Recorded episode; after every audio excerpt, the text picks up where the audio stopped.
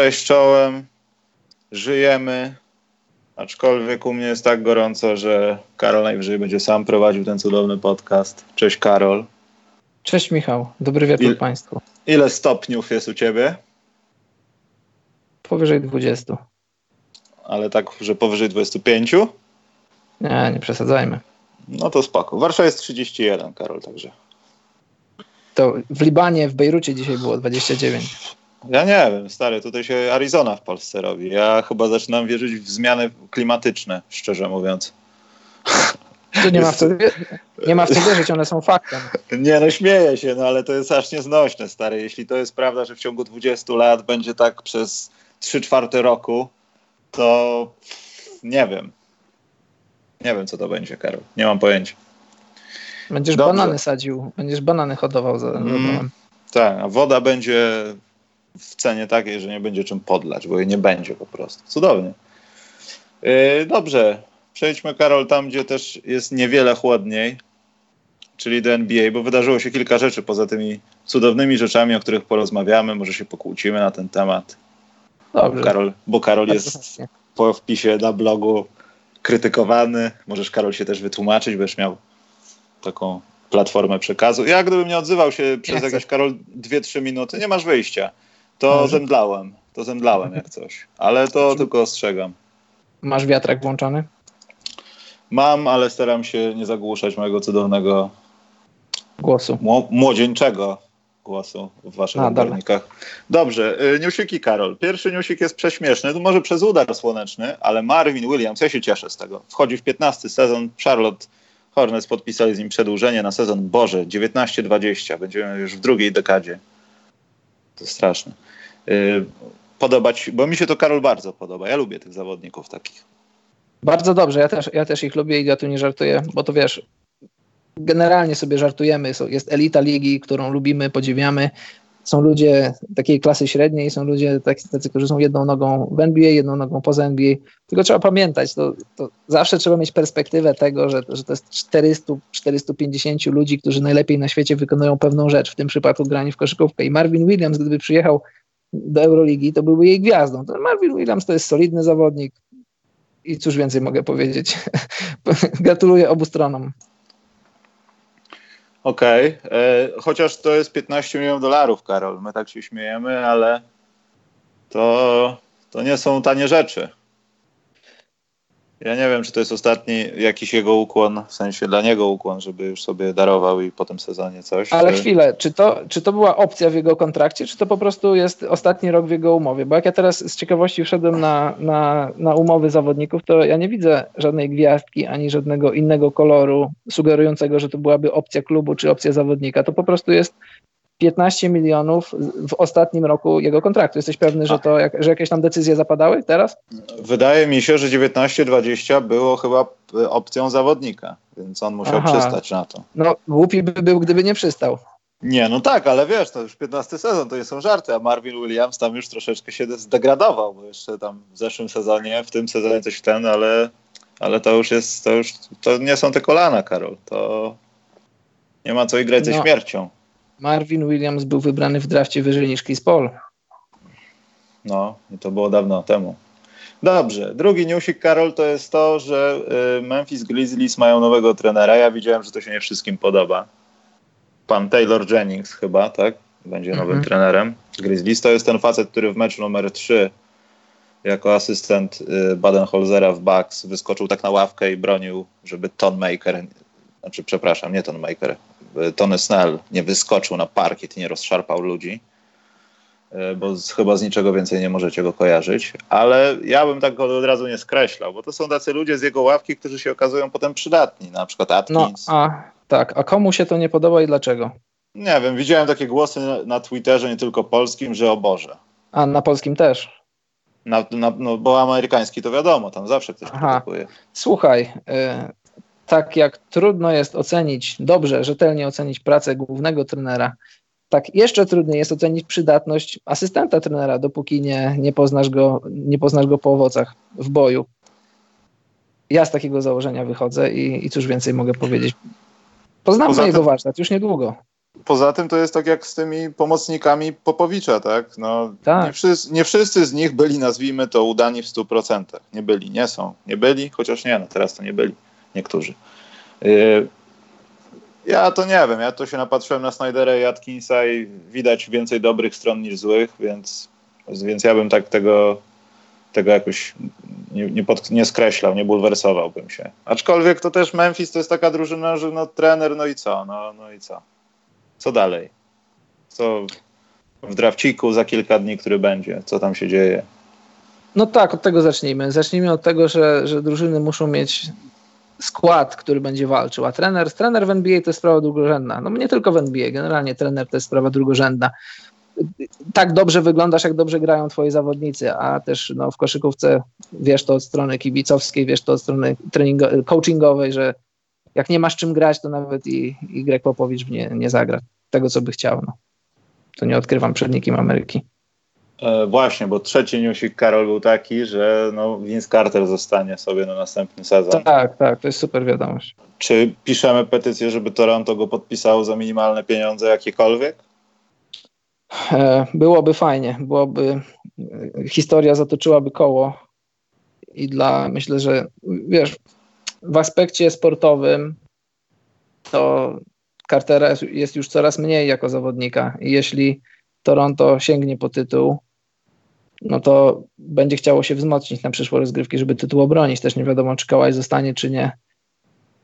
E, chciałbym wierzyć w to, że, że Carter poza tym, tym aspektem sentymentalnym, który na pewno tam będzie, będzie w stanie coś wnieść do, do drużyny, do tej, do tej meczowej dwunastki, bo grać w Sacramento i pomagać młodzieży, grać w Atlancie i pomagać młodzieży jest na pewno łatwiej niż bronić tytułu, czy ewentualnie próbować go zdobyć jeszcze raz, znaczy zdobyć go, gdyby, gdyby Raptors go nie zdobyli.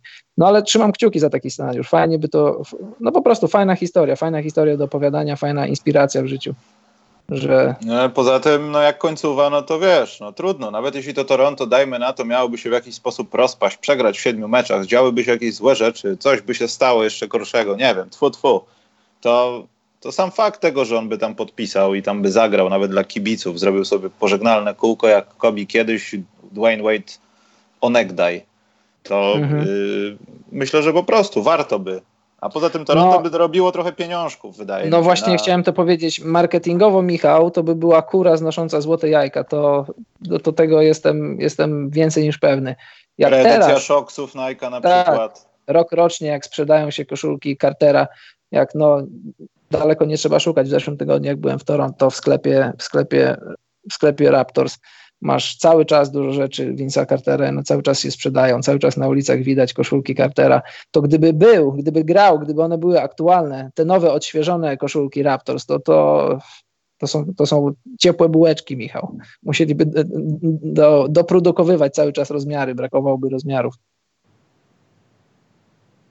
A propos ciepłych bułeczek, to Karol, do, doszły mnie słuchy od zorganizowanego koła, które przybywa na finałach NBA, że koszulki również e, okolicznościowe tam są już. Tak, także, no niestety, tak, niestety. Także nie podoba mi się to. Zaopatrzenie w, w Auckland jest też do dupy. A widzisz. Chciałem kupić, kolega mnie prosił, żebym mu kupił koszulkę e, Kawaja w rozmiarze M nie było Kałaja w rozmiarze M. Poprosił mnie o Lowrego w rozmiarze M. Nie było Lowrego w rozmiarze M. To zapytał mnie, y, zapytaj ludzi, kogo mają w rozmiarze M.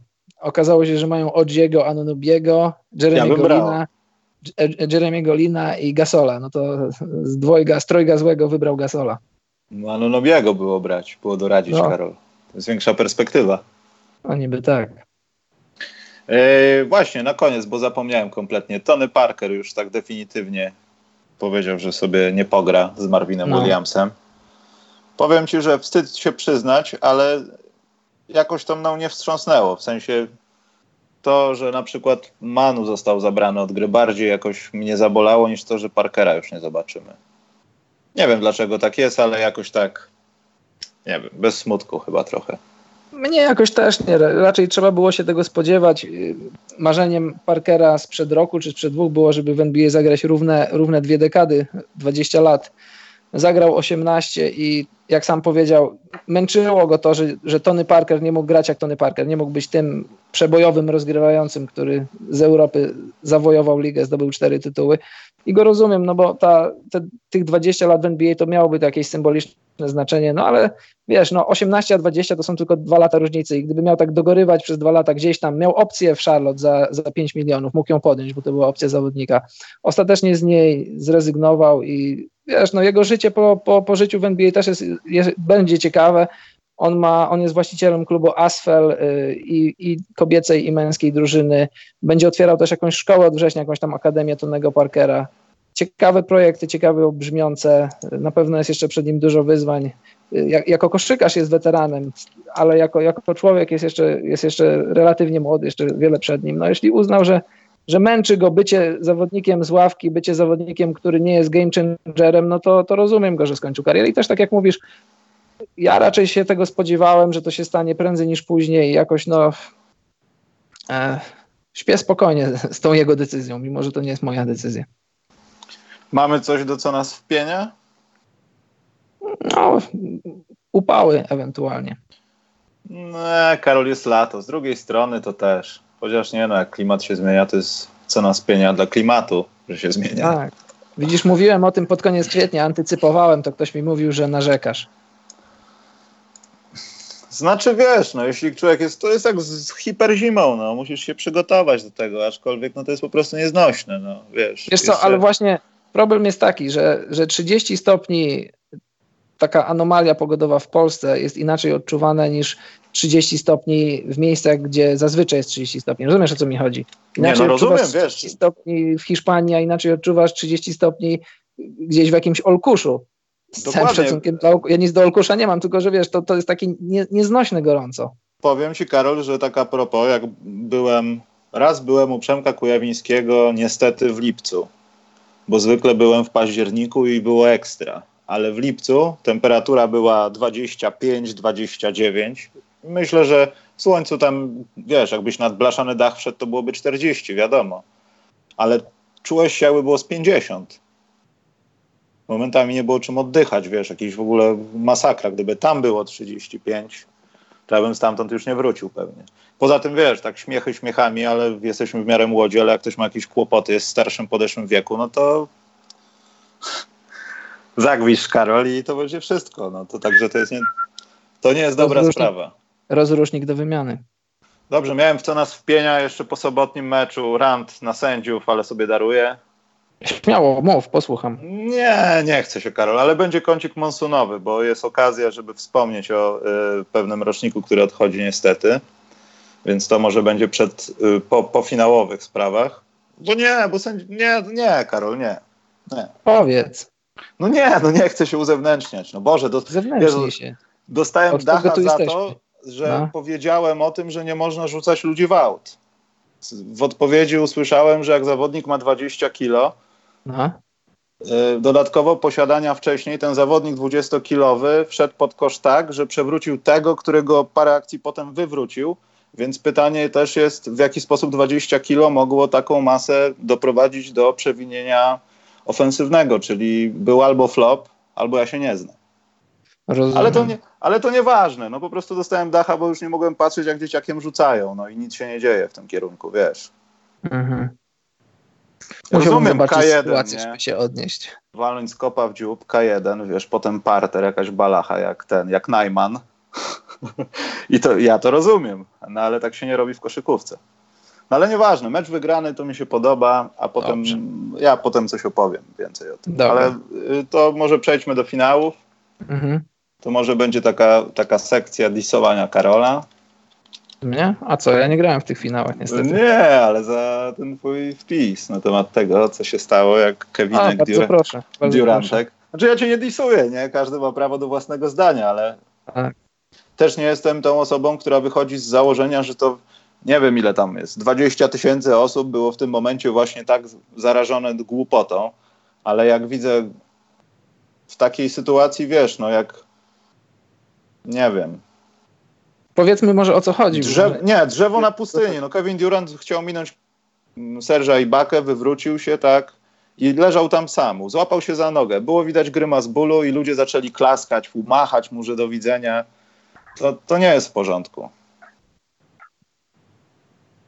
To już nie uważam, nie, właśnie nie. I uważam, że mówienie o tym, że to dobrze, bo to Kevin Durant i tak dalej, to jest trochę nierozumienie tego, że gdyby tak naprawdę złamał sobie nogę, to ci sami ludzie by co, machali też z radości, że się rozwalił, czy by było wielkie zdziwienie?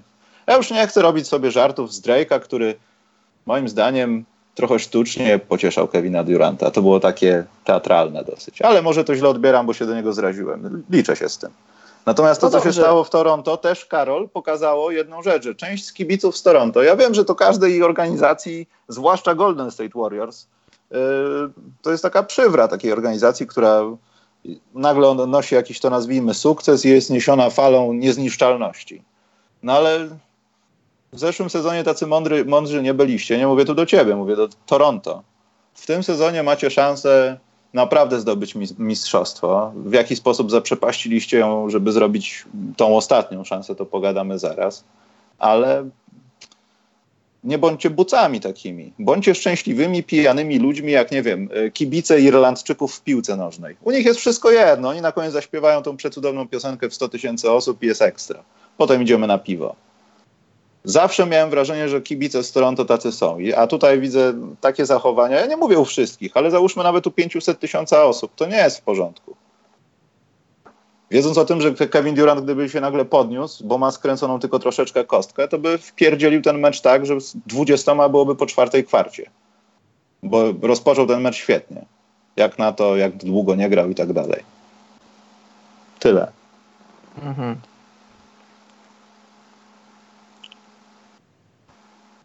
No więc?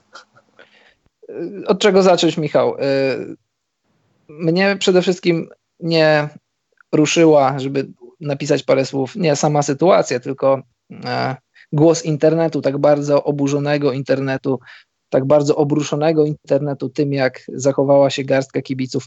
Tylko, że, tylko, że mówimy o sporcie zawodowym, w, którym w kibicowaniu e, pewne prawidła istnieją. Buczysz na najlepszych zawodników rywali. Nie buczysz na Jona, Jonasa Jerebko, nie buczysz na Andre Buguta, bo oni ci nie grożą. Buczysz na Thompsona, buczysz na KD, na Kleja, na Karego, bo wiesz, że to są, to, są, to są twoi najwięksi rywale, którzy mogą cię zniszczyć. Przez buczenie pokazujesz, to tak trochę paradoksalnie, pokazujesz szacunek pokazujesz to, że w pewnym sensie boisz Przepraszam, się Karol, ale buczysz jak rzucają, buczysz jak coś zrobią, buczysz jak kłócą tak, się o faul, jestem rozumiem, za tym, ale, ale tak, nie jak ale, dzieje im się tak, krzywda. ale daj mi powiedzieć, yy, przede wszystkim na parkiet upadasz w koszykówce dziesiątki, żeby nie powiedzieć setki razy.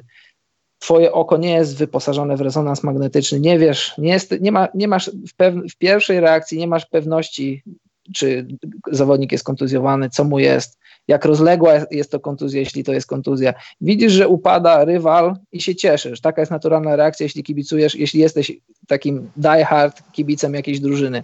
To nie jest naturalna reakcja. Jest, Michał, to jest naturalna nie reakcja. Jest. To jest reakcja z polskich piłkarskich stadionów. Cieszmy się, bo komuś stała się krzywda.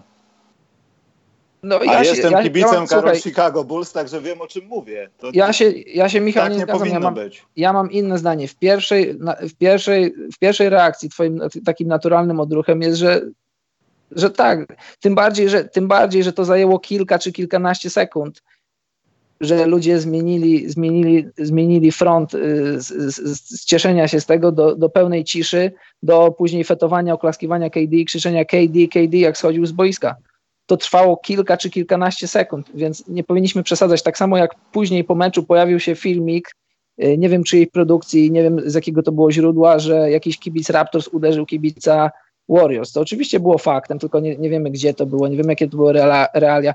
Nie mówi się o tym, że, że Jurassic Park na skalę kibicowania w koszykówce, nie tylko w koszykówce, w sporcie zawodowym to jest ewenement, bo przychodzą tam tysiące, ludzi się liczy w tysiącach i tam mecz w mecz, wieczór w wieczór nie dzieje się nic, absolutnie nic. Żadnych wywróconych y, radiowozów, żadnych powybijanych szyb. Ludzie przychodzą, bawią się, po meczu wychodzą, najczęściej środkami komunikacji miejskiej odjeżdżają do domów i nie dzieje się nic. Wiadomo, że sensacja się sprzedaje, wiadomo, że nie sprzeda się filmik, na którym ludzie spokojnie idą do domu, sprzeda się filmik, na którym kibic Warriors dostaje w twarz od kibica Raptors i, i, i ale pokazuje. Karol, tak, Karol. Taka, tak, poczekaj, ale poczekaj chwilę, tak, taka nie jest nie, Kanada, nie tacy nie są kibice. Bo mówisz, że się i tak sprzedajesz, samo... ale ja oglądałem mecz, ja nie oglądałem żadnej zajawki fanboyowego filmu, czegokolwiek. Ja oglądałem mecz i ja widziałem, jak Kevin Durant, przepraszam, no tego nie było aż od razu widać, bo poszła chyba kontra, coś się stało. Jak Kevin Durant zgubił piłkę, ja wiedziałem, Janusz z Polski, że coś jest nie w porządku, bo widziałem grymas twarzy. I wiedziałem, że Kevin Durant też nie robi grymasów, bo sobie podkręcił kosteczkę przy minięciu. Pamiętam, dlaczego nie grał 10 spotkań. Nagle jest zbliżenie, że łapie się za kostkę i przez jakiś czas jest sam i nagle typ wstaje i mu macha. Karol, nie. Po prostu nie. Poczekaj, a poczekaj. Ty I wokół widziałeś. niego ludzie robili to samo. Tak. Więc oni to też widzieli. Ich było 500, 1000 ty to widzisz, bo ty w telewizji to widzisz lepiej. Rzecz, żeby, żeby kibic w hali to zobaczył, to się, to się tyczy garstki ludzi, którzy byli przy tej akcji, bo założę się, że, znaczy założę się, wiem jak ta hala wygląda, bo byłem w niej wiele razy, że ci, którzy siedzą z drugiej strony, nawet w drugim czy w trzecim rzędzie już nie widzą aż tak dokładnie twarzy, tego grymasu twarzy, który ty dzięki temu, że oglądałeś to na League Passie w HD, miałeś okazję to widzieć. W wyższych rzędach nie masz możliwości, żeby to widzieć. Reakcja, reakcja jest taka, jaka jest, a tym bardziej, jeśli chodzi już o tych ludzi, którzy którzy siedzą przy dachu, przy, przy kopule hali, nie masz, nie masz najmniejszej możliwości, żeby przynajmniej mieć y, strzępy y, tego, co się tam w rzeczywistości wydarzyło. I, I, wiesz, no, co więcej mogę powiedzieć? No, moje, moje zdanie na ten temat jest takie. I, i wiesz, y, będziemy mówić o tym, że, że fani przez kilkanaście sekund y, y, cieszyli się z, się z, tego, a nie będziemy mówić o tym, na, jak na koniec go pożegnali i jak dobrze się zachowali. I też zobacz, to nie chodzi o to, że, że KD ma kontuzję ścięgna Achillesa, bardzo poważną, bardzo jest wszystkim przykro z tego powodu, szkoda na takie rzeczy patrzeć. Patrzysz na zawodnika, który upada i tak, wiesz o tym, że był wcześniej kontuzjowany i ludzie myślą sobie, uff, jednego mniej, ale to nie jest, to, to, to, takie uczucia towarzyszą ludziom. Zobacz, oglądasz jakieś magazyny sportowe, yy, i ludzie mówią, że o fajnie by było, jakby ten stracił formę, fajnie by było, jakby nie zagrał. Ja na przykład się z tym nie zgadzam. Ja nie uważam, że to jest w porządku. Ja uważam, że często w odniesieniu do polskiej reprezentacji tak, tak mówią dziennikarze piłkarscy. Ja na przykład uważam, że chciałbym, żeby nasi rywale zagrali swój najlepszy futbol, czy swój najlepszy basket, a my żebyśmy byli o tego jednego gola, czy jeden, jeden kosz lepsi. Ale generalnie ludzie tacy są, więc nie, ja, mnie to w ogóle nie dziwi, że jak zobaczyli, że KD, tym, KD który wrócił po, po pięciu tygodniach po kontuzji, trzyma się za nogę i być może w tym meczu już nie wróci. Machają mu chusteczką, mówią mu do widzenia KD, może w tym meczu już nie zagrasz i będziemy mieli większe szanse na zwycięstwo, ale nikt normalny nie życzy mu, nie życzy mu niczego złego. Po kilkunastu sekundach ludzie się zreflektowali, kiedy dostali sygnał od, te, od, y, od Laurego i Baki i innych koszykarzy, że jednak mówimy o czymś poważnym, a kiedy mówimy o czymś poważnym, jesteśmy poważni, odrzucamy to, że jesteśmy kibicami i żegnamy człowieka, tak po ludzku człowieka żegnamy. No, w zasadzie tego momentu, kiedy Ibaka z Laurem tam poszli, był pokazany urywek, więc nawet nie było widać, czy. Właśnie też jestem ciekaw. Może gdzieś są jakieś nagrania, ktoś coś zrobił gdzieś na Instagramie, czy, czy po prostu oni coś do nich mówili, czy po prostu pokazywali, że to nie jest w porządku, bo jestem ciekaw, co tam się stało, już pomijając wszystko. Ale wiesz, Karol, pamiętasz playoffy? Derek Fisher, córka Rakoka chyba, czy coś takiego w ogóle i rzucasz osobiste, a tam ci zasłaniają lewe czy prawe oko. To jest myślę, że nie tak bardzo, bo to są dwie inne sprawy, ale podobne zachowanie. I myślę, że mówienie o tym, że to nie cała hala i tak dalej, to nie powinno niczego usprawiedliwiać. I co najgorsze, ja nie widzę głosów tego, żeby tych trzech kolesi, czy tam 50 osób wynotować, już więcej nie wpuszczać na boisko. Nie mówię o tym, ale nikt nie sprawia wrażenia, że stało się coś złego, tylko mówi, ale na koniec wszyscy i tak klaskali. Nie, po prostu nie. No to, no to y, w tym temacie mamy inne zdanie, inne spojrzenie na, na to. Ja mam takie, jakie powiedziałem. Ty, ma, ty masz takie, no wiesz, no. Ja uważam, że tak po prostu jest w sporcie. Pierwsza reakcja twoja jest taka, że to, to, to jest takie świadome czy podświadome. Widzisz, że najlepszy zawodnik twojego rywala odpada i myślisz sobie, no będzie, nam, będzie naszej drużynie trochę łatwiej. Później dopiero masz drugie myśli, że szkoda człowieka, tak po ludzku, szkoda go, szkoda, że ma kontuzję. Mi generalnie jest go bardzo szkoda. Ja, chciałbym, ja chciałem oglądać te finały ze, ze, ze wszystkimi zdrowymi zawodnikami, żeby KD rzucał po 30, po 40 punktów, żeby Kawhi miał z nim świetny mecz, żeby się kryli nawzajem, żeby była piękna koszykówka.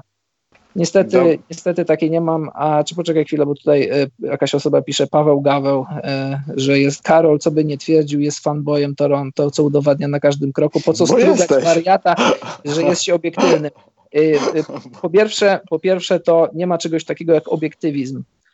Możesz być, e, odsyłam do definicji tego słowa, możesz być jedynie, próbować być rzetelnym w tym, co robisz. Nie możesz być obiektywny, bo nie jesteś robotem, jesteś człowiekiem, masz swoje uczucia, swoje emocje, Ale życie, rzeczy, nie, które przeżyłeś. Nie zgadzam się. Nie, nie możesz ja jestem być. Karol diehard fanem Chicago Bulls i od kiedy pamiętam, no dobra, nie od 2010 roku, zawsze byłem krytycznie nastawiony, e, merytorycznie nawet to tłumacząc do tego, co się działo, mimo to wiedząc, że ja jestem fanboyem Chicago. I to, to nazywam obiektywizmem, żeby też nie do końca popierać rzeczy, które są dobre. Wiesz, tak jakbym tłumaczył, że oto Porter Junior świetnie, że się znalazł, pieprzyć pieniądze. Nie, mi się to nie podoba i to uważam za zły ruch i to jest do dupy. Tak, ale. To ale, jest obiektywizm. Tak, ale bo nie, nie można jest... dać się pochłonąć w jedną tak, stronę i machać tak, tak, Durantowi ale... potem. Nie. No Jasne, ale to nie, jest, to nie jest bycie obiektywnym, to jest bycie, próba bycia rzetelnym, nieobiektywnym. Nie możesz być obiektywny, bo, bo bo jesteś, bo jesteś człowiekiem, który swoje w swoim życiu przeżył, swoje widział i, i z takiej perspektywy patrzysz na rzeczy. I jak na przykład y, jest powiedzmy jakiś mecz, Chicago byłby w playoffach, to starasz się patrzeć obiektywnie tak, jak się da, ale nie jesteś w stanie tego zrobić, bo jesteś kibicem Chicago Bulls, więc starasz, chcesz być rzetelny w tym, co mówisz, w tym, co robisz. Jeśli mówimy o jakimś meczapie, y, powiedzmy Chicago grałoby w przyszłym roku w playoffach, to nie jesteś w stanie wyzbyć się tego pierwiastka kibicowskiego, tego, że jesteś fanem Chicago Bulls. Ale mimo wszystko to starasz się wynieść ponad to i być, być rzetelnym w tym, co mówisz i, no ale właśnie o to chodzi, że Karol, nie wylewam z siebie swoich fanbojowskich rzeczy, tylko mówię po prostu, że ten i ten jest kijowy, to mi się nie podoba i pewnie przepierdzielą 4-0. Najważniejsze jest to, co na koniec mówisz, Karola, nie to, co ci się wydaje. To, co ci się wydaje, zachowujesz dla siebie. Jak masz jakąś taką chwilę, że możesz komuś to wylać, to to robisz, ale jeśli tak jak my rozmawiamy o jakichś porównaniach sezonowych, no to mi się nie zdarzyło pokierować się tym, że jednak troszeczkę bym całował w dupę logo Chicago Bulls, bo to jest moja ulubiona drużyna. Nie, w zasadzie nie mam tak. Dobrze, a co do bycia fanboyem, to nie jestem fanboyem żadnej drużyny, nie kibicuję żadnej drużynie, e, kibicuję dobrej koszykówce, kibicuję, kibicuję każdej drużynie w NBA, każdej drużynie w NBA dobrze życzę, każdej gwieździe dobrze życzę, wszystkim życzę zdrowia. Z Toronto od e, lat kilku jestem w jakiś sposób związany, bo, no bo tam mieszka moja rodzina, byłem tam wiele razy i, i to jest taki delikatny element, który sprawia, że, że po prostu do, do tej drużyny jest mi bliżej niż do innych, ale... No to Karol, przyznaj się, ja się przyznałem. Gdyby, no. Ale już nie, nie mam do czego się przyznać, bo gdybym miał na przykład, gdyby, gdyby zmienić szyld, gdyby nazwę Toronto zmienić na Portland i miałbym powiedzmy rodzinę w Portland i do Portland jeździłbym, a nie, a nie do Toronto, to tak samo zapewne miałbym, miałbym odczucie do Trailblazers, jakie mam teraz do Raptors. I, I, los Raptors jest mi tak samo obojętny albo tak samo bliski jak każdej innej z 29, z innych 30 drużyn NBA i jeśli będzie im się wiodło dobrze, to fajnie, bo jeśli, jak będę w przyszłym roku w Toronto, to będę widział dobry basket z bliska, a jak będzie, będzie słaby, no to, to trudno. Nie, no ale Karol, no Boże, no, ale to też nie dlatego ci tak mówię, że, żeby cię cisnąć, ale no, masz dużo rzeczy Toronto. Można uznać, że bardziej jesteś kibicem Toronto niż Bostonu, o tym mówię. To jest trochę, wiesz, bycie, no właśnie, bycie, właśnie nie, bycie właśnie fanboyem. Nie, właśnie nie, Michał, nie, właśnie nie. Jak, jak y, w sezonie gra, grają Celtics, czy ktokolwiek gra z Raptors, jak, jak grają, nie, nie zależy mi na tym, kto wygra, jak siadam do meczu. Siadam do meczu i patrzę, patrzę na meczapy, patrzę na dobre akcje, patrzę, y, co się dzieje wokół meczu, słucham komentarza. Kto wygra, to jest dla mnie zawsze sprawa drugorzędna. Czyli jesteś rzetelny czy obiektywny wtedy? Staram się być rzetelny. Ale dobrze, Karol, koniec już tych e, bragarantów. Nie, nie, możesz, nie możesz być. Zobacz, na przykład y, jedziesz do Afganistanu, jesteś korespondentem y, wojennym. No ale I to już zdaje... nie idźmy w taką stronę, Sabo. Słuchaj, zdajesz, zdajesz relację i powiedzmy, i powiedzmy, że w jakiś tam sposób jakąś masz relację z jedną ze stron konfliktu, ale mimo to jesteś, jesteś korespondentem i musisz zdać relację. Starasz się zrobić to rzetelnie. Nie, mo, nie, nie, jest, nie możesz być w 100% obiektywny, dlatego że nie, nie pojechałeś tam jako, jako, jako robot, który będzie mówił, że jest tak, zginęło tylu, było to, było to, było to. Sposób, w jaki robisz relację, robisz ją tak, a nie inaczej, na podstawie tego, co wiesz, na podstawie swoich przeżyć, na podstawie swoich myśli i nie możesz się tego wyzbyć, ale starasz się to zrobić rzetelnie, starasz się oddać fakty, ale mimo wszystko jakieś tam uczucia masz.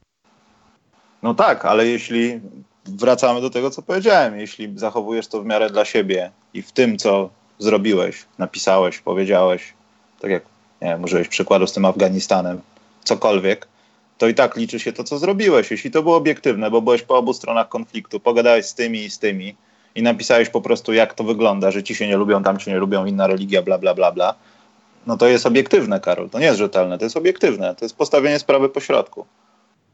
To jest wtedy rzetelne. Mhm. Yy, nie jest. Ale przejdźmy do gorszej sprawy, Karol, bo ja uważam, że tak fajnie teraz Golden State, tacy biedniusi, Kevin Durant, ale mam poważny minus dla Golden State Warriors, że w, wydawali się w tej sytuacji. Pomijają, pomijając teraz też to, co się stało, ta cała opieka, wszyscy zbiegli się do szatni. Bob Meyers płakał na konferencji prasowej. Ja nie widziałem nigdy żadnego działacza, który zachował się w ten sposób. Może nie widziałem wszystkich konferencji prasowych, ale to było naprawdę aż było żal chłopa. Nie wiem, czy Karol to widziałeś. Tak, widziałem. E, wydaje mi się, że trochę wszyscy jak gdyby zapomnieli o fakcie, jak Warriors zostali, byli wobec Kevina Duranta prawdopodobnie, tacy neutralni albo nawet nastawieni na wyzysk. Na to, że ty masz wyznaczone działania, bo ty sam powiedziałeś, że ty jesteś Kevinem Durantem, nikt inny. E, I, I ty miałeś robić określone rzeczy, a ciebie nie ma. Ja nie mówię tu o, wiesz, kazaniu komuś grać mimo jakiejś kontuzji, bóli czy tak dalej ale wydaje mi się, że to Warriors są, tym, są tymi złymi dla Kevina Duranta w, ty, w tym całym położeniu. I nie ja wiem, też... co się stanie teraz, ale kompletnie mi się to nie podoba. Oni nigdy go nie wspierali w tej sytuacji. Nigdy nie, nie wytworzyli, przynajmniej w mediach, takiego klimatu, że gra to jest jedna rzecz, ale zdrowie to jest druga rzecz. Nawet jeśli to będzie kosztowało nie pojawienie się ciebie tutaj, to my będziemy zapierali się rękoma i nogami, żebyś przynajmniej był zdrowy w tym off-season. Idź sobie do tego Nowego Jorku, ale my chcemy wyjść z twarzą a nie Bob Meyers płaczący na konferencji prasowej po wygranym meczu. No widzisz, tutaj się zgadzam z tobą w 100%. To wiesz, no, czy wierzę w, zły, w, w łzy, czy wierzę w łzy Meyersa, to jest sprawa drugorzędna, czy one były prawdziwe, czy, czy krokodyle, ale, ale to jest nie, prawda. tutaj chyba Karol nie ma, nie ma wątpliwości. Takie rzeczy się nie dzieją u os osób, które są obdarzone pracą z taką presją. Oczywiście. To w takim układzie co, po każdym podpisie on, nie wiem, płacze? No, może jest takim człowiekiem, jeśli tak, to przepraszam. No, jest na to wygląda. Na to wygląda. Wiesz, y, w ogóle okoliczności podpisywania, pozyskiwania KD latem 2016 roku z Oklahomy. Z Oklahomy, która parę tygodni wcześniej prowadziła z tymi Warriors 3-1 i, i KD naprawdę zagrał dobrą serię. W ogóle okoliczności jego sprowadzenia do drużyny to też jest dla mnie duża tajemnica. Moim zdaniem został zmanipulowany i, i na, może nie na każdym kroku, ale co, co kilka miesięcy to, co się dzieje wokół KD, tylko mnie utwierdza w tym, że, że to przejście do, do Warriors to nie była jego taka decyzja, taka hi, super, hiper, hura, przechodzę do Warriors. Miał drugie myśli, miał trzecie myśli, podpisał, zdecydował się podpisać z Warriors, ale pewnie miał jeszcze kolejne myśli po tym podpisaniu, co ja zrobiłem. E, tam musiał niezły PR zadziałać i Bob Meyers jest, jest tego najlepszym przykładem, to co się wydarzyło wczoraj na, na konferencji to, że dostał zielone światło od sztabu medycznego, to aż tak wiele nie znaczy. To pokazuje historia z wczoraj, to pokazuje historia z zeszłego sezonu z, z Kałajem. Wiadomo o co chodzi. Wiadomo, że organizacje są po to, żeby wygrywać, żeby kolekcjonować trofea, a robią to przy pomocy zawodników. I to też jest takie duże uproszczenie, bo zawodnicy mają za to zapłacone i to nie mało, żeby grać, żeby poświęcać swoje ciało, swoje zdrowie. Jak mam okazję widzieć tych wszystkich byłych zawodników, to, to, to, to sprawiają wrażenie, że są na, wiesz, na plastikowych kolanach, bo wielu, wielu jest na plastikowych kolanach, no ale coś za coś, masz na koncie miliony, a jesteś schorowany tak jakbyś pracował w kopalni, to lepiej pracować w kopalni czy grać w NBA, no chyba grać w NBA. Y, nie wszystkie organizacje, żeby nie powiedzieć żadna, aż tak bardzo nie liczą się ze zdrowiem zawodnika. I, i widzisz, znaczy, Karol, Spurs, też jeszcze tylko jedno zdanie, no. widzisz, Spurs, ale nie, Spurs przez wiele miesięcy dawali zielone światło Kałajowi na grę, a Kałaj mówił, boli mnie noga, nie jestem zdolny do gry, boli mnie noga, nie mogę grać. Narastała frustracja, narastała frustracja i sztabu medycznego, który, który miał umyte ręce, bo wydawało się, że wszystko jest dobrze i zawodników, bo uważali, że Kałaj jest zdrowy i powinien grać. Okazało się, że nie, że nie jest w stanie grać, że nawet przez cały ten sezon, ten load management pozwolił mu dobrze grać w playoffach, w ogóle istnieć w tych playoffach, bo on jeszcze do końca nie jest zdrowy. Jeśli Spurs chcieli, żeby grał w zeszłym roku, on jeszcze na początku tego sezonu, w trakcie tego sezonu nie był, nie był do końca zdrowy, no to, to nie, nie świadczy dobrze o kimś. tak samo jest tutaj. też była presja. Może KD sam na siebie nakładał presję, czytał te różne rzeczy, ludzie się zastanawiali, y, czy faktycznie tak jest, bo ludzie wracają po kontuzjach, ludzie poświęcają swoje ciało, a KD mijają tygodnie i on nie gra.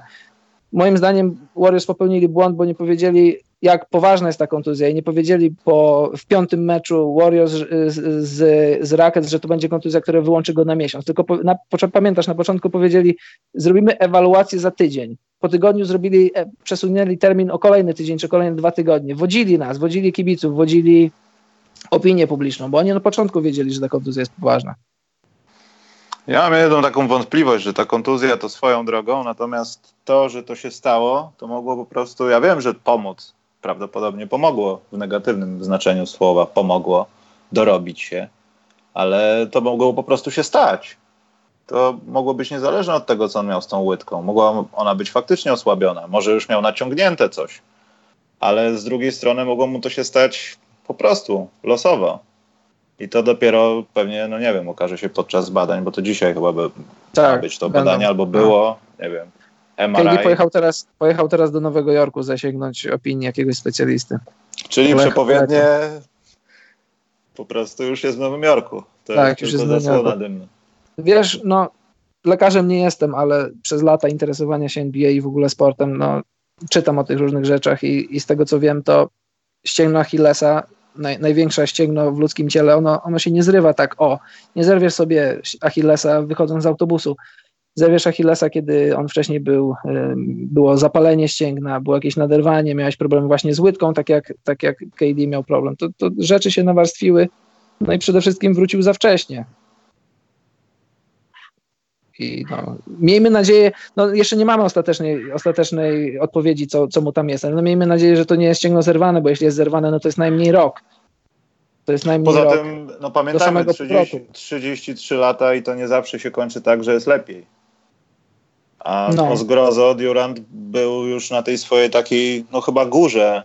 I gdyby to bezkontuzyjnie było w mniejszym lub większym stopniu, no to 2-3 lata utrzymania się na tym poziomie może. Natomiast po tym to może być rok leczenia się, następny rok dochodzenia do siebie z rehabilitacją. To, to, to, to, może nie być następny sezon. Pewnie nawet nie będzie już, wiadomo, chyba nie będzie. To się co najmniej 12 miesięcy. No tak.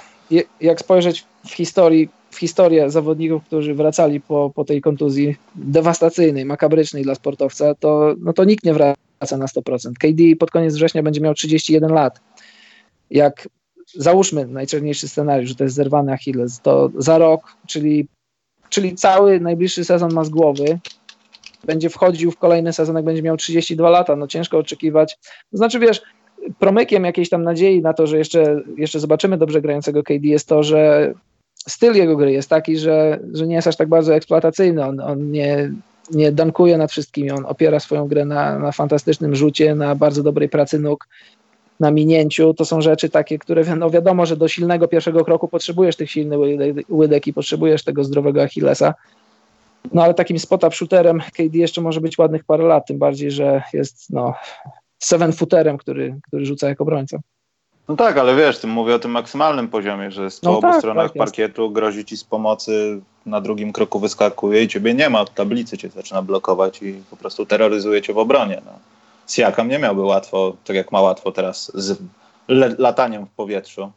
E, no i, no i to jest ciekawe też, jak to wpłynie w ogóle na jego sytuację. No, co, rynek wolnych agentów, co się dzieje? No jest bardzo ciekawe. Mi się wydaje, to znaczy, no ciężko powiedzieć, ale on ma teraz opcję, opcję zawodnika za 31 milionów. No jeżeli potwierdzi się, że to jest zerwany Achilles, no to E, żeby miał co do garnka włożyć, to wydaje mi się, że opcję musi podjąć. Jak podejmie opcję, to, to zobaczymy po roku, jak będzie wyglądał, jak w ogóle będzie wyglądał krajobraz Warriors za rok, bo Clay Thompson też będzie wolny, a za rok, y, za rok Draymond Green będzie wolny. Czy będą pieniądze na utrzymanie tego składu i czy w ogóle będzie Bob Myers, czy nie będzie, czy nie będziemy robić memów z Bobem Myersem, płakał jak podpisywał? Nie, wiesz co, nie chcę się z niego śmiać, bo ja, ja mam takie przeczucie, że no to może być ściema oczywiście, ale że naprawdę chłop nie wytrzymał presji, wiesz, i to może być jego Ja nie chcę źle mówić, no to, to, też nie zawsze się tak kończy, ale to może być zakończenie jego pracy na jakichś tego typu szczeblach, bo się po prostu załamał chłop. Doszedł do ściany i stwierdził, nie, co ja zrobię, dlaczego? Ja, Jezu, ja jestem za to odpowiedzialny i wiesz. Nie chcę schodzić do jakiegoś klisze, nieogolony w barach o 12 w zadymionych miejscach, gdzie ktoś gra na saksofonie, siedzi Pop Meyers i płacze, widząc Duranta w telewizji w Nowym Jorku za dwa lata. Ale myślę, że to, to faktycznie dla niego było przeżycie. To nie była jakaś ściema, że to zrobił. Ja nie widziałem no, czegoś nie, no, takiego. Tak, od, no, odkładając żarty na bok, to na pewno to było przeżycie, no bo wiesz, no, dostajesz zielone światło od sztabu medycznego, no, a ci ludzie też są na kontraktach i też ich ewaluacja graczy, ich leczenie graczy też podlega, podlega no, ktoś nad tym jest i ktoś przedłuża z nimi kontrakty, a jak się nie sprawdzają, to biorą, bierze się innych ludzi. No. Ich, ich praca też, też wisi na włosku, być może. O tym się aż tak bardzo nie mówi, bo o sztabach medycznych się nie rozmawia, ale zobacz, zobacz jak to w ogóle zachwieje rynkiem wolnych agentów. Nagle, nagle Nowy Jork może już nie być taką destynacją dla potencjalnych wolnych gwiazd.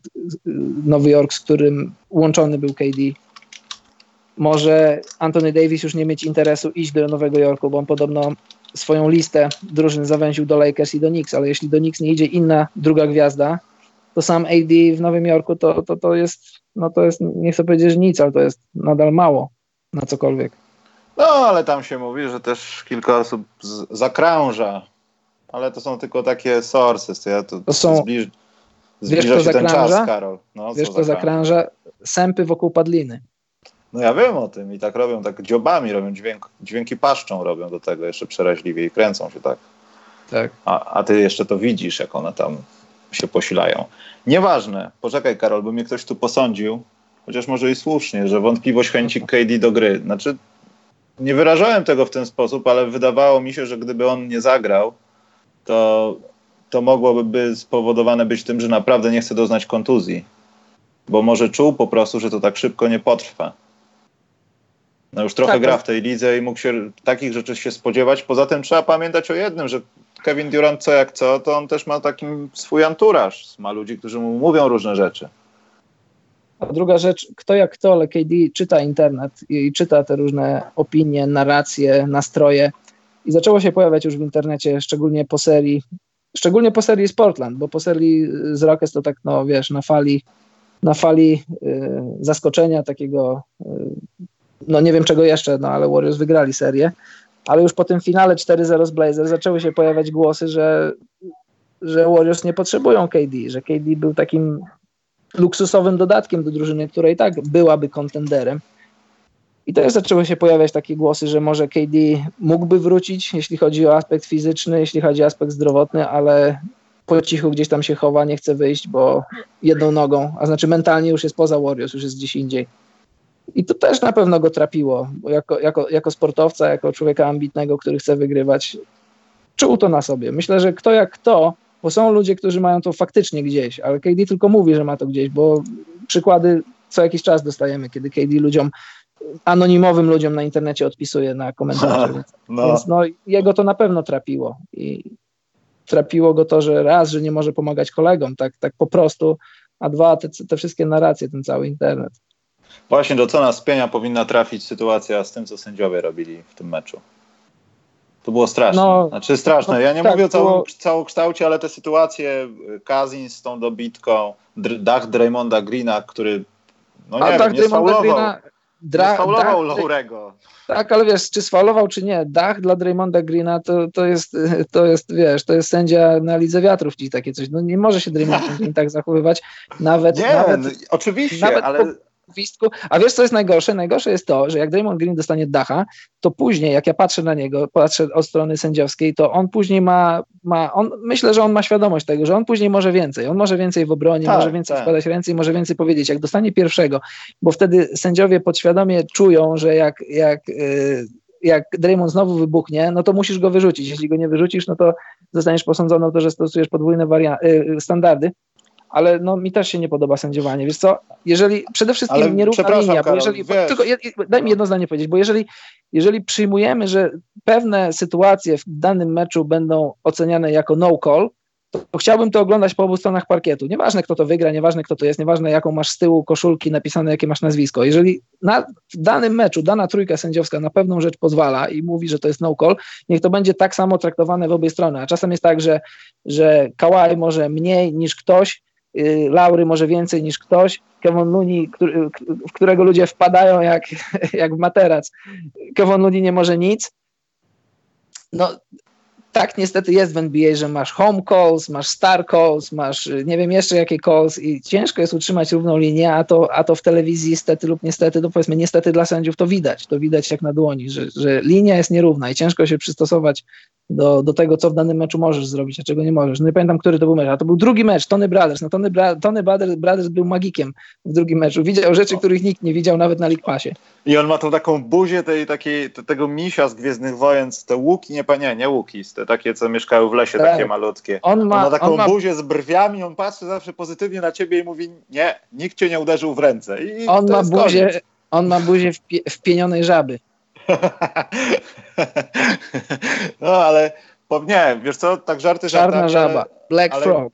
Karol, akurat jeśli chodzi o to gwizdanie w obie strony, to tam jakoś specjalnie bym przy tym nie obstawiał. obstawał. Ta sytuacja z Draymondem Greenem, on faktycznie miał położone ręce nie do góry pionowo, tylko przed siebie trochę, ale Lowry dał się sfaulować w powietrzu, powinien dostać coś za flop. Tam chyba nie było kontaktu, może w nogach. Ale on chyba, z tego co pamiętam, on chyba dostał Dacha za faul na Ibace.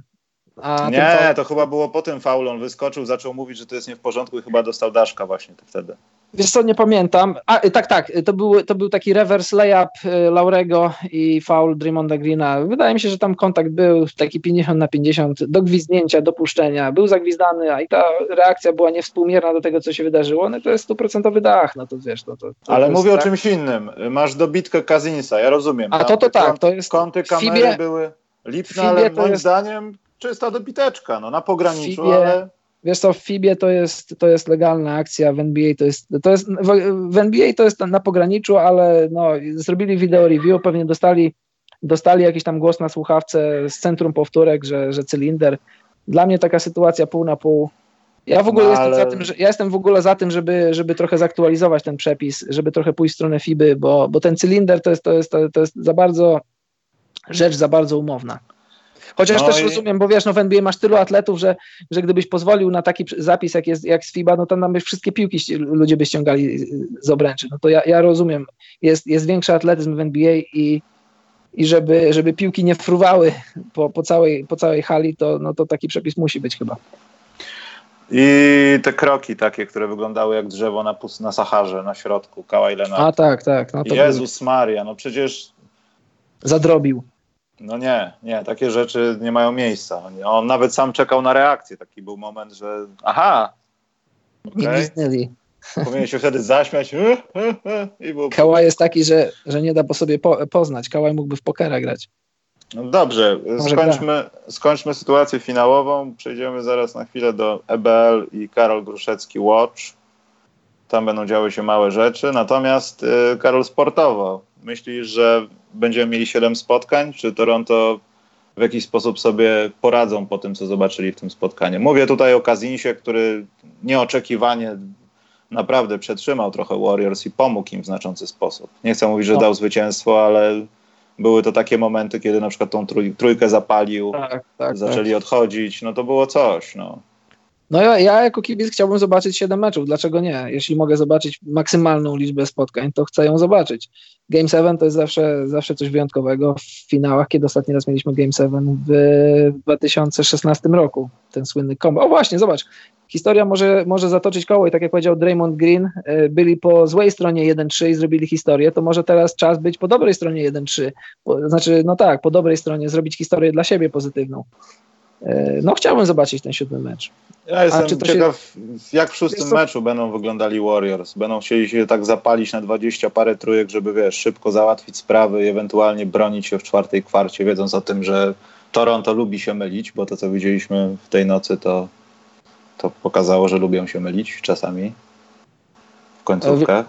Wiesz co, ja miałem takie wrażenie z tego meczu, że E, że Raptors, oni tak jeszcze trochę mentalnie byli, byli poza tym, że, że są na wyciągnięcie ręki od tytułu i było tych 5-6 minut do końca meczu i tak e, jak dla mnie, wiesz, no nie byłem wtedy niestety w hali, bazuję na tym, co widziałem z League Passa, że wiadomo, że też odczucie z telewizora jest inne niż tam rzeczywistości w hali, no ale moje odczucie było takie, że, że oni trochę ten, jak to mówią Amerykanie, sense of urgency, że, że już, że, że ten tytuł jest na wyciągnięcie ręki, że musisz przycisnąć. Był taki moment w czwartej kwarcie, że Kawhi przejął fragment meczu, dorzucił chyba tam 8 czy 10 punktów kolejnych, miał kilka stopów w obronie i jak było było powiedz mi e, 6 punktów przewagi dla Warriors, nie pamiętam już teraz wyniku, powiedzmy 100, tak, 103-97 i brakowało tej kropki na, i brakowało jeszcze tej jednej, dwóch piłek dla Kałaja albo takich jakichś super dobrych posiadań, takich super dobrych przesuwań piłki, żeby otworzyć kogoś, a tam było tak, że klepali piłkę, klepali piłkę i w dwóch sytuacjach chyba, czy w trzech y, były nieprzygotowane akcje, nic się nie działo w posiadaniach, chyba nawet była jedna strata taka Laurego do, do, do Ibaki, nie do Ibaki, do Gasola. Zabrakło tam... tej kropki i wiesz, i masz taki mecz, dwa, masz 20 trójek od Warriors, pierwsza kwarta ładnie w ogóle to, no KD nadał ton temu meczu, a masz 8 trójek na 32 próby od, od y, Raptors. I przegrywasz jednym punktem. Ja się nie spodziewam, jak, jak, jak bardzo szanuję Karego i, i Thompsona i wszystkich innych graczy Warriors, nie spodziewam się, żeby w następnym meczu trafili 20 trójek i też nie spodziewam się, żeby żeby, żeby Raptors trafili tylko 8 na 32. No ale, no ale chcę zobaczyć siódmy mecz. Chcę, chcę, żeby Game 6 był ładnym meczem, meczem na, jeśli ma być defensywny, to niech będzie defensywny, ale niech to będzie mecz na wymianę, niech to będzie mecz, w którym dużo się dzieje i wróćmy do Toronto na Game 7 i niech wygra lepszy. Ten, kto ma większe jaja, twardsze nerwy. Hmm. Poza tym, no teraz, kiedy już wiadomo, że wszystkie karty są na stole i nie ma czego dołożyć, no wiadomo o kim mówię, to tak. chyba Toronto będzie łatwiej przystosować się do tych sytuacji, kiedy Kazins jest na boisku, bo oni trochę dali się zaskoczyć temu. Nie byli przygotowani na to, żeby go pokryć trochę wyżej, może łatwo nie dać mu rzucić trójki, może nie dać tak łatwo mu znaleźć sobie sytuacji pod kosz, kiedy piłka do niego po prostu już idzie i on może jeszcze komuś podać, bo oni bardzo dobrze zbiegali po końcowej i robili dużo rzeczy tym, tym prostym zagraniem. Także to jest kwestia zamknięcia właśnie Kazinsa trochę, uprzykrzenia życia Thompsonowi, jak to się działo w tym meczu, a Kary niech robi co chce. I to może być trochę killer dla Warriors. Ale z drugiej strony, po tym, co się stało w tym meczu z Durantem i z tym wszystkim, to może być właśnie ten moment, kiedy Warriors już, już odpalili się.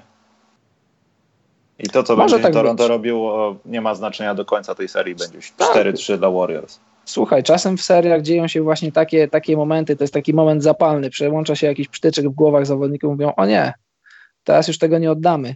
I też wydaje mi się, że już trochę, to już trochę spokojniejsze głowy mają Warriors, zawodnicy Warriors, bo było tyle znaków zapytania, czy KD wróci na pierwszy mecz, czy na drugi, czy na trzeci, czy na czwarty. W końcu wrócił na piąty i to też, zobacz, moim zdaniem to jest takie trochę, nie, nie, nie, nie chcę użyć słowa, że śmierdzące, ale takie dla mnie dziwne, bo w sezonie, kiedy nie masz presji czasu nad sobą, żadnej presji nie masz, to zawodnik odbywa przynajmniej jedną sesję treningową takiego normalnego treningu z zawodnikami, 5 na 5 na całym boisku, wszyscy zawodnicy. Tutaj KD zagrał jakiś taki tajemniczy trening, którego nikt nie widział, nikt z mediów, nikt z osób trzecich, jakiś taki tak zwany scrimmage z jakimiś tam ostatnimi ludźmi z ławki, z jakimiś asystentami trenerów, żeby, jak to mówili ludzie, przetestować nogę. Przetestował nogę, lekarze dali zielone światło i OK, KD gra. Jak dla mnie taka, taka rzecz trochę, jeśli nie śmierdząca, to bardzo, bardzo zaskakująca. No ale teraz już, już mamy, mamy z głowy to, mamy czyste głowy, wiemy, że KD nie zagra, gramy tym, co mamy. Takim sztabem, sztabem tylko takim składem zagramy, jaki mamy i myślę, że że wiadomo, sportowo będzie trudniej, jest trudniej, bo nie masz tych powiedzmy 30 punktów od KD, które, które możesz brać w miarę w ciemno, ale masz to, co masz. Masz da, dalej trzech Hall of Famerów, masz trzech fantastycznych koszykarzy, masz byłego All-Stara, byłego MVP finałów, myśl, myślę o Igodali, masz byłego All-Stara i All-NBA zawodnika Kazinsa, który no nie jest w 100% sobą, ale jest kimś, jest wielkim zawodnikiem i co byś nie powiedział, to, to jego obecność pod koszem zawsze, zawsze robi różnicę i e, Warriors mogą to wygrać bez problemu. Znaczy z problemami, ale mogą to wygrać. Nie chcę się bawić w przewidywania tej serii, ale no to, to będzie kolejny na pewno fascynujący mecz. Myślę, że dużo emocji, nie będzie blowoutu. Chociaż za każdym razem, jak mówię, że będzie blowout, to, to go nie ma, jak tak, to w drugą stronę, także to nie ma sensu nawet mówić. No słuchaj, dla nas kibiców jest fajnie, bo tak czy tak wydarzy się historia. Albo się wydarzy historia, że Warriors będą drugą drużyną po samych sobie, która z 1-3 wyszła i, i, i, zdobyła tytuł, albo Raptors zdobędą, którzy pierwszy raz w swojej 24-letniej historii zdobędą tytuł. Dla nas tak czy tak każdy scenariusz jest fajny. Będzie o czym rozmawiać. E, Okej, okay, to w takim układzie ja przechodzę do Karol, bo to oczywiście nie oglądałeś, nie? Jak nie. co tydzień. Jak muszę ci znowu opowiadać. Więc był Karol, miał miejsce mecz numer 5 w naszej przepięknej lidze koszykówki mężczyzn mhm. seniorskiej i Toruń wygrał, Karol. Jest 3-2 dla Torunia. Polskie Toronto. Polskie Toronto, dokładnie. Karol Gruszecki Watch, Karol jest taki, że no Karol ofensywnie znowu tam herosem nie był w tym spotkaniu, bo 2 na 8, ale to były ważne rzuty. W sumie Trójki? był na jedną trójkę, jedną dwójkę. Mhm. Dwa na dwa był z linii, ale powiem ci, że zebrał pięć piłek, podał trzy razy, nie sfaulował nikogo. 7-5-3. No to 7-5-3 to jest taki grit and grind. Ale trzeba powiedzieć, że no, wyszedł w pierwszej piątce, no i ogólnie Toru nie. No, poza tym, przede wszystkim Tom Bodzi zarządził w tym meczu. Tam to, to co się działo z Bodzi w tym meczu, to, to było jak to się mówi, exploit pomalowanego przez Toruń. Naprawdę, to, to był klasowy mecz. I, no i oni ogólnie mieli tak w miarę wyrównany skład. No, wiesz, Karol zdobył 7 punktów, Damian Kulik 8 na przykład, Tomasz Śnieg mhm. 7. Wiesz, tam, tam wszyscy musieli trafiać po prostu, no ale też nie, nie szło im to za dobrze, bo tutaj patrząc po procentach, to naprawdę ka każdy rzut się liczył, Karol, w niektórych przypadkach. Mhm. No więc Toruń prowadzi 3-2, no i to się może zakończyć już dzisiaj, co mamy wtorek, to w środę, czyli jutro. Mhm. Jakbyś no chciał obejrzeć i żebym nie musiał ci znowu opowiadać, to byłoby super. Powiedz ale gdzie i kiedy? Gdzie i kiedy będzie ten nasz do obejrzenia? Gdzieś, poczekaj. Eee, 12, czyli jutro, Polsat Sport o 17, Karol. Mecz się zaczyna mhm. o 17.30. Dobrze. Zapisałeś? Mhm, zanotowałem. Okej. Okay. Postaram się obejrzeć. Mm, no i Karol, musimy ten, plus albo minus. To Karol Gruszecki Watch teraz jest na plus. Bardzo Mały, dobrze. bo mały, ale wychodzi na plus. W następnym meczu on już zosta został poinstruowany, co ma robić. Spodziewa się Karol 30 jakieś. Będziemy raportować o tym. Mhm. Dobrze. Dobrze. Y, zanim będą pytanka, to ja, Karol, chciałem powiedzieć publicznie, bo pewnie jutro mi się przydarzy w innym podcaście. Co, żenisz się? Nie, no aż tak hardkorowo to nie. Natomiast y, pożegnałem Karol rocznik 99 w Monsunie. Jest to przykra wiadomość bardzo. Znak czasu. Znak czasu. Chłopaki już dorosły. Trochę dużo ich tracę i, i no, znaczna część z nich była no, tą przejściową taką pomiędzy pierwszą drużyną, tak, także tym bardziej to jest wzruszające. Jeszcze bardziej, że bez playoffów. Ale 3 na 3 w sezonie nie jest wstydem. Yy, I poczekaj, war, warto Karol wymienić zawodników, którzy odchodzą. Będziesz Dobrze. mówił, czy znam. Czy znasz? Dobrze. No. Yy, Patryk Baranowski. Znasz? Nie. Stanisław Zagańczyk, on kiedyś był w przerwie na żądanie, było typowane. Słyszałem, tak. Ile rzuci, tak. To, to, też. Stanisław niestety też mnie opuszcza. Kajetan, Pie Kajetan Piekarniak, też nie wiem, czy znasz. Nie znasz? Kajetan P. była głośna sprawa, to jest o pokroju swoją nauczycielkę, to chyba nie ten. Nie, nie mogę o tym mówić, ale jeszcze jeden. Dobrze. Pierwszy raz miałem kogoś z takim imieniem w drużynie. Edwin Materkowski. Ja myślałem, że to imię już wyginęło, a to Edwin. Szkoda, że Karol. nie Van der Sar. Nie. Nie, nie.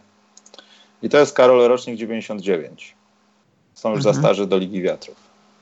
Na jesieni czeka mnie nowy draft, ale to naprawdę szkoda. To była bardzo, bardzo uzdolniona grupa ludzi, która nie była za dobra na początku, nie powiem.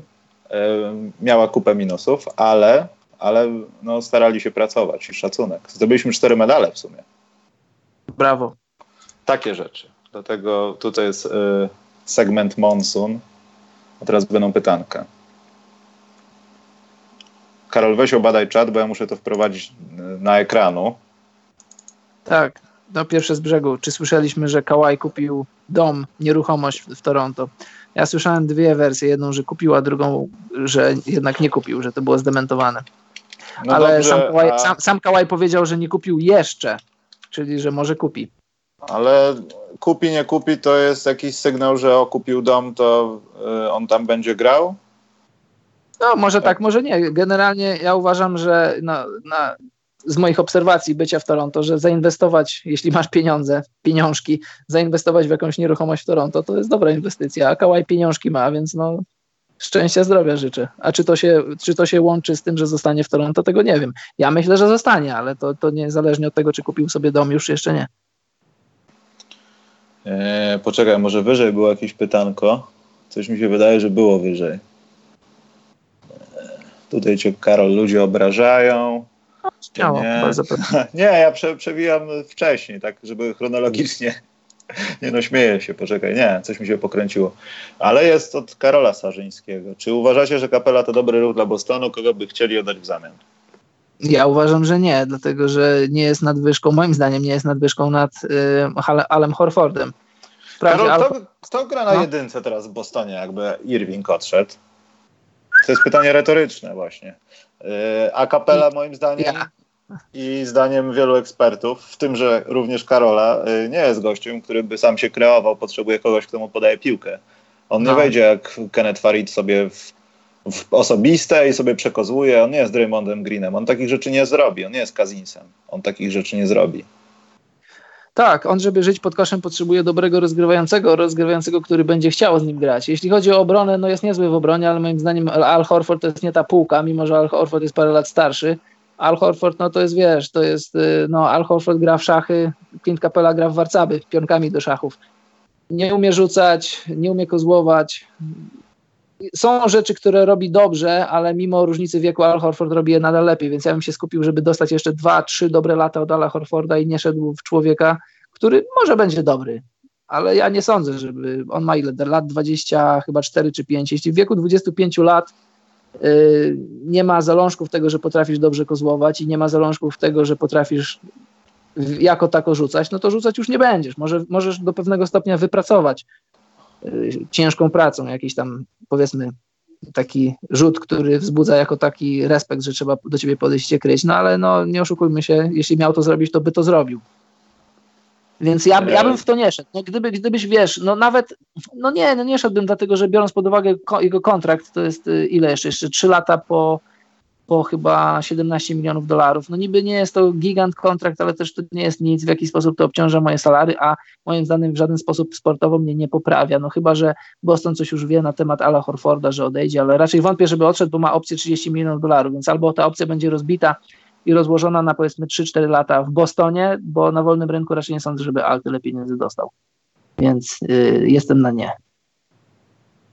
Eee, coś ja chciałem. A, bo Karol, to, to, to takie pytanie też do ciebie, ale to też będzie taki kącik, jak być Karol obiektywnym. Mhm. Bo jest taka ploteczka, która mówi, żeby tam się porobiły jakieś rzeczy z Davisem, e, znaczy nie, coś tam, e, wymiana trójstronna, przepraszam, Aha. nie dotyczy tego Davisa. No i tam Chicago stara się być w jakiejś komitywie tam z Pelicans w jakiejś sprawie, jakaś trójstronna wymiana i Chicago miałoby oddać siódmy pik w zamian za Lonzo Bola bo coś by się tam jeszcze stało. I to jest, Karol, debilny pomysł. I to jest właśnie obiektywizm. Ale żeby co Chicago ostatecznie chciało pozyskać? Że w rezultacie Chicago z tej wymiany wyniosłoby to, że musiałoby kogoś oddać, nie wiem kogo jeszcze do tej wymiany, bo różne są tam plotki. Może nawet nikogo, ale siódmy pik zobowiązywałby Lakers do oddania Lonzo Bola. Czyli Lonzo Ball wylądowałby w Chicago, tak? Na przykład. Słuchaj, ja nie wiem jak silny jest ten draft, bo nie siedzę w tym E, nie siedzę w tym, żeby mieć swoje wyrobione dobre zdanie. Jeżeli ten draft poza nie wiem, top 4, top 5 nie jest już potem aż tak silny, potem się spłyca. Wiesz, ty chyba nie lubisz za bardzo Lonzo Bola. Ja uważam, że Lonzo Ball może być jakąś tam wersją Jasona Kidda. Nie wiem, czy lepszą, być może nie lepszą, ale jakąś tam. Myślę, że nawet Lonzo Ball, jeśli będzie zdrowy, to może dojść do poziomu All-Star. Ja tak uważam. Więc, nie jestem e, obiektywny w kwestii Lonzo Bola, bo po prostu go nie lubię. No rozumiem. Więc trzeba się zastanowić, czy czy warto pozyskać koszykarza, którego, co do którego już mniej więcej coś wiemy, czy jednak zainwestować w, to, w tę siódemkę i pójść w nieznane. Możesz wygrać na loterii, ale możesz też wylosować jakiegoś takiego, jakiegoś Hakima Warika, czy kogoś tego typu i, i po co ci to. Ja bym się nad tym zastanowił. Nie mówię tak, nie mówię nie, ale jest to temat do przemyślenia, jeśli chodzi o management byków. Z, z okazji tego, że to może być na szczęście ostatni rok pracy duetu Garpax w tej organizacji przecudownej, co wcale nie oznacza, że następni, co przyjdą, będą znacznie lepsi. Ja się no aż, aż się pocę i płaczę, co to będzie potem, bo to może się okazać, że to była jakość i potem zobaczymy rzeczy. Natomiast y, wydaje mi się, że już widziałem na tyle dużo szaleństw w wykonaniu tych dwóch panów, mniejszych lub większych. Nawet nie mówię o transferach, ale jakichś tam prowadzonych sytuacjach, że Randy Brown komuś coś opowiada, co się dzieje w szatni i tak dalej. Mikrofon to, kierunkowy. Dokładnie. To może stać ich na jedno wielkie szaleństwo, że z tym siódmym pikiem wybiorą kogoś, kogo nikt by nie wybrał w loterii. Mam takie małe, skryte marzenie, żeby Darius Bazley trafił do Chicago Bulls. Bo na takiego Calvera to myślę, że to jest trochę za, za późno już. I mam takie małe marzenie, że ten chłopak, on wygląda na, na razie jak strach na wróble, no, który biega i świetnie kozłuje, rzuca za trzy punkty. To Ale dać coś. mu odrobinę więcej czasu. To jest naprawdę mało lat. Dać mu rok, dwa, trudno. Czekaliśmy już nie na takich zawodników. To naprawdę mo może być dobry zawodnik. Poza tym po swoim zachowaniu z tym całym New Balance i tak dalej pokazał, że on może mieć to wszystko w dupie i naprawdę może być lojalnym, dobrym, normalnym zawodnikiem, bez żadnych chorych wymagań, wiesz, taki Antetokounmpo. To tak jest ten chłopiec od New Balance'a, tak? Tak, to jest ten dzieciak, co tak mhm. chciał narobić w miskę NCAA bardzo. Dobrze, no. I już widać było go na paru workoutach i Karol, powiem ci, że ojej, naprawdę. Może to nie jest tak, że zaraz, wiesz, zdejmie panów z Duke z top 3, ale on powinien rosnąć w tych mokach. Dobrze, Karol, nie ma żadnych pytań. Jest tak gorąco, że bardzo dobrze. Możemy kończyć. Yy, chyba będziemy w sobotę, nie w piątek. Poczekamy na to, czy Karol pokaże wszystkie swoje gadżety Toronto i powie publicznie, że jednak jest fanboyem. Dowiemy się tego w tym sezonie. W tym sezonie to padnie. A, to jest, wiesz, Poza tym, temat... Karol, są, ale jaki temat? Zaraz. Przecież ty nie, mówisz, ale temat, że Orlando te... wygra z Toronto, to spalisz swoje wszystkie rzeczy Toronto. Od tego się zaczęło twoje fanboyostwo. No, no bo nigdy nie kryłem się z tym, że mam różne rzeczy z Toronto, które na przestrzeni lat sobie przywiozłem z Toronto. Jakbym był, jakbym był, jakbym był w Oklahomie, to bym sobie przywiózł, przywiózł koszulki Oklahomy. No w Toronto nie ma koszulek Oklahomy czy Bostonu. Czy. Mam też koszulki Bostonu, mam koszulkę, czego mam jeszcze? Portland mam koszulkę, mam, co tam mam jeszcze? No, mam parę różnych kibicowskich rzeczy. Byłoby to spać. Podwójne standardy to są. To są a, w ogóle na temat, na temat bycia kibicem, kibicem, no tutaj mówimy o NBA, ale ogólnie bycia kibicem moglibyśmy cały odcinek nagrać. Myślę, że mógłby być ciekawy. Wiesz, bycia no. kibicem. Na przykład z jakimś słuchaczo kibicem. To jest bycia, taki pomysł na, na off-season. Bycia kierowcą ban, bandwagonu.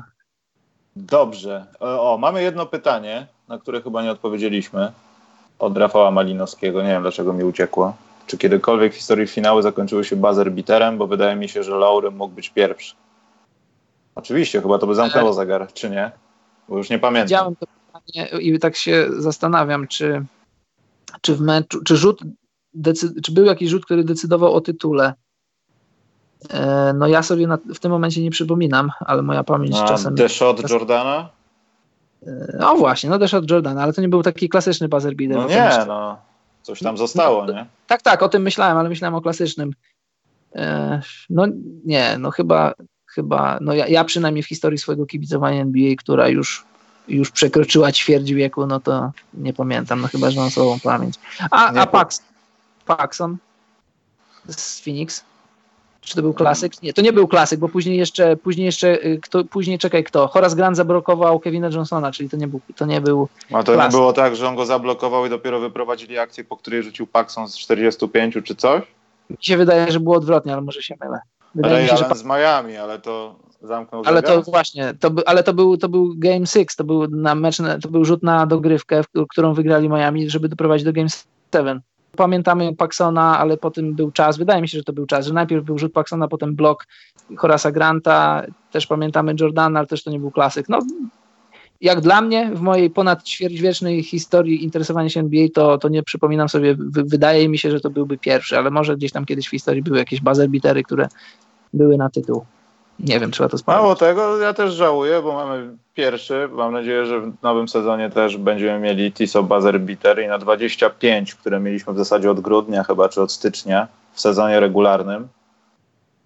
Potem dwa w playoffach i 27 i tak naprawdę od Kawaja Lenarda z Filadelfią, no to nie dzieje się nic. A to No było właśnie. 8 odcinków temu. Mhm. Wcześniej był Lillard w Thunder Game 5 i to było 12 odcinków temu. I to są dwa jedyne takie czyste buzzer beatery w tym sezonie. Smutne to. E, dobrze. To w takim układzie, Karol, kończymy. Ja chciałem tylko powiedzieć, że tak, co mówiłem, że będziemy może w sobotę. Tutaj z boku macie odliczanie co do draftu. Myślę, że w tym roku draftu na żywo nie będzie. Tak mi się wydaje, że chyba nawet nie będę miał z kim tego przeprowadzić, jeśli nawet bym mógł. Ale to jest sprawa rozwojowa, ale dzień po drafcie chyba będziemy z Karolem, bo tam może będą jakieś wymianki, jakieś inne rzeczy, to jest ciekawe. No liczymy, żeby były wymianki. No i co, no, jeśli by nam się udało, nie udało nie być w sobotę, no to pewnie będziemy w poniedziałek, ale myślę, że ta sobota jest rozwojowa, także, także tak o. Okej, Tak. Karol, to, to ja jeszcze powiem, żebyście wpadali wszędzie. Na Instagrama musicie wpadać, bo tam jest strasznie mało rzeczy, znaczy rzeczy, tfu, osób, także ja bym zapraszał chętnie. Na Facebooka też, na Patronite to jeszcze bardziej, bo Karol strasznie dużo życzy sobie za audycję. Za dobre, za dobre, że, słuchaj, za dobre rzeczy trzeba zapłacić. za dużo życzę sobie i donaty też prosiłbym bardzo, bo to, bo to ja już dokładam z własnej kieszeni. Tak, bierze takie tak, ludzie- za to, że... Ludzie chcą Jordany klasyki, a chcą je kupić za 150 zł. No, no, ja też ludzie. bym, no ludzie, ja też bym chciał kupić, tylko że Karolowi muszę te... Nie, to tak nie będzie. Karol, to ja od osobnego Patronite'a takiego zrobię. Ja i Kevin Durant zbieramy pieniądze. Z tym zdjęciem, jak mu machają, żeby jeszcze wzmóc, yy, wzmóc ten Tak, smut, zagraj na, smutek. za, zagraj na uczuciach. Nie, ale poważnie, wpadajcie na Patronite, na Donaty, wpadajcie na te wszystkie nasze social mediowe rzeczy. Yy, Tylko, tylko w, niechciane, w niechciane ciąże nie wpadajcie. musiał. E, e, także Karol, twoja kwestia. Chyba, że to już była twoja kwestia i, i spadamy. E, no, bardzo dziękujemy Państwu za dziś. Porozmawialiśmy sobie na wiele ciekawych tematów. Poruszyliśmy definicję słów obiektywizm i rzetelność. To, to bardzo dobrze, że poruszyliśmy. To są słowa do siebie. Nie powiedzieliśmy, że podcast sponsoruje oficjalny chronometrażysta NBA Marka Tissot. Tak, a robi to, robi to. Ja mam Czyli takie sponsor- Golden State Warriors od wczoraj. Aha, Mhm. obiektywny, obiektywny obserwator wydarzeń na parkietach NBA. Nie, ja po prostu jestem e, bardziej za zasadami Piera Coubertin, żeby się nie śmiać z Kevinka, jak cierpi. Jestem ja mam tak poruszony, że jestem na bandwagonie na dwa następne mecze. Podkreślam dwa następne mecze. Ja mam dekiel Atlanty. I co państwo mi zrobią? Nie, żartuję. Nie, żartuję, też żartuję, mam NBA, no co ty, nie założyłbym Dekla Warriors, nie będę aż takim. Dałbym sobie, dałbym sobie nadgarstek, na którym noszę rękę, noszę zegarek uciąć, żeby niż nosić dekiel Atlanty. Oczywiście żartuję. No nic, no już nie, nie, nie, nie przedłużajmy tej agonii. Dziękujemy Państwu za dziś i dobranoc, mili ludzie.